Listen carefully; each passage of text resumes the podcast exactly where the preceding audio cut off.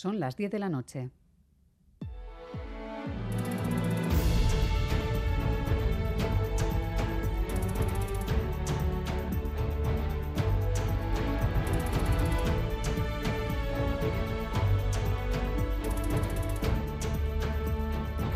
Repasamos los titulares de la jornada con Amaya Zabala Gabón. Cabo Miriam, noticias de este lunes 12 de junio en el que comenzamos mirando hacia Italia. Silvio Berlusconi, ex primer ministro de Italia, fallecido hoy a los 86 años en el Hospital San Rafael de Milán debido a la leucemia que padecía. Cuatro veces primer ministro, expresidente del Milán de fútbol, dueño del imperio mediático Mediaset, toda una vida de poder y escándalos. Laura Chervi, politóloga, esta tarde en Gambara. Berlusconi llega a la política controlando más de la mitad de los medios de comunicación italianos, además es el inventor de la televisión privada, por lo tanto Berlusconi, eso se puede decir claramente, Berlusconi moldeó el subconsciente de un país entero, el subconsciente erótico y no, erótico, cultural, político. Emanciparse es para muchos misión imposible en Euskadi. La edad media con la que los jóvenes se van de casa está en los 30 años, cinco más de lo que querrían. Escuchamos la denuncia del Consejo Vasco de la Juventud hoy en el Parlamento Vasco. Ya que la construcción de nueva vivienda pública tiene unos plazos dilatados en el tiempo, eh, creemos necesario movilizar la vivienda vacía mediante la aplicación y puesta en marcha del canon de la vivienda vacía que ya existe y controlar el precio del alquiler al que se ofertan estas viviendas.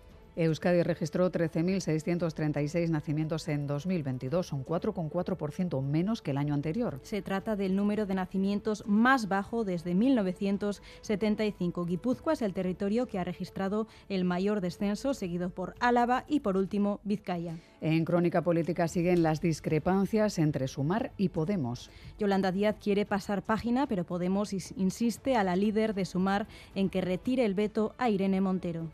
España lo que está esperando es que hablemos de sus problemas. El resto creo que no tiene demasiado interés. Vamos a ir a las elecciones con Sumar, pero insistimos a Yolanda Díaz en que retire el veto a Irene Montero tienen de margen hasta el 19 de junio para la elaboración definitiva de las listas. Y hoy se han puesto en marcha los trabajos para exhumar los primeros restos de represaliados por el franquismo en Cuelgamuros. 40 familias de la comunidad autónoma vasca tienen reconocido el derecho a la exhumación de sus familiares. A Inzane Cenarro, Instituto Gogora de estas 40 familias, prácticamente a todas ya les hemos eh, extraído la muestra de ADN.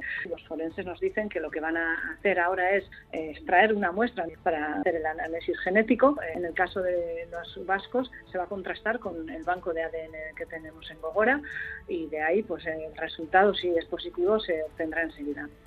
La Asamblea Nacional Francesa ha rechazado esta tarde una nueva moción de censura contra el gobierno de Emmanuel Macron por la subida de la edad de jubilación. La propuesta de la coalición de izquierda, Nueva Unión Popular Ecologista y Social, ha obtenido 239 votos, lejos de los 289 necesarios para prosperar. La iniciativa ha sido apoyada por la ultraderechista Agrupación Nacional y por el grupo Liot, pero no ha logrado convencer al Partido Conservador, los republicanos. Y en casa, hasta ahora termina el aviso amarillo por tormentas en Euskadi y a medianoche en Navarra. Y es que durante las últimas horas de la tarde ha granizado con fuerza y se han producido enormes chaparrones en varios puntos del interior. En Anclares se han recogido 25 litros por metro cuadrado en una hora y en Balmaseda 21. En este último, el agua ha entrado en algunos locales y comercios del municipio. Mañana a las 6 de la mañana se volverá a activar el aviso amarillo por tormentas, esta vez en la vertiente cantábrica. En carreteras, precaución a esta hora en la B630 en Sopuerta, dirección Carranza, debido a una colisión entre un camión y una furgoneta. La carretera se encuentra cortada y la grúa está trabajando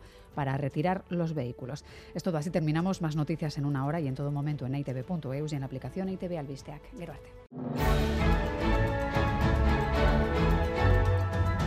EITV, tu grupo de comunicación.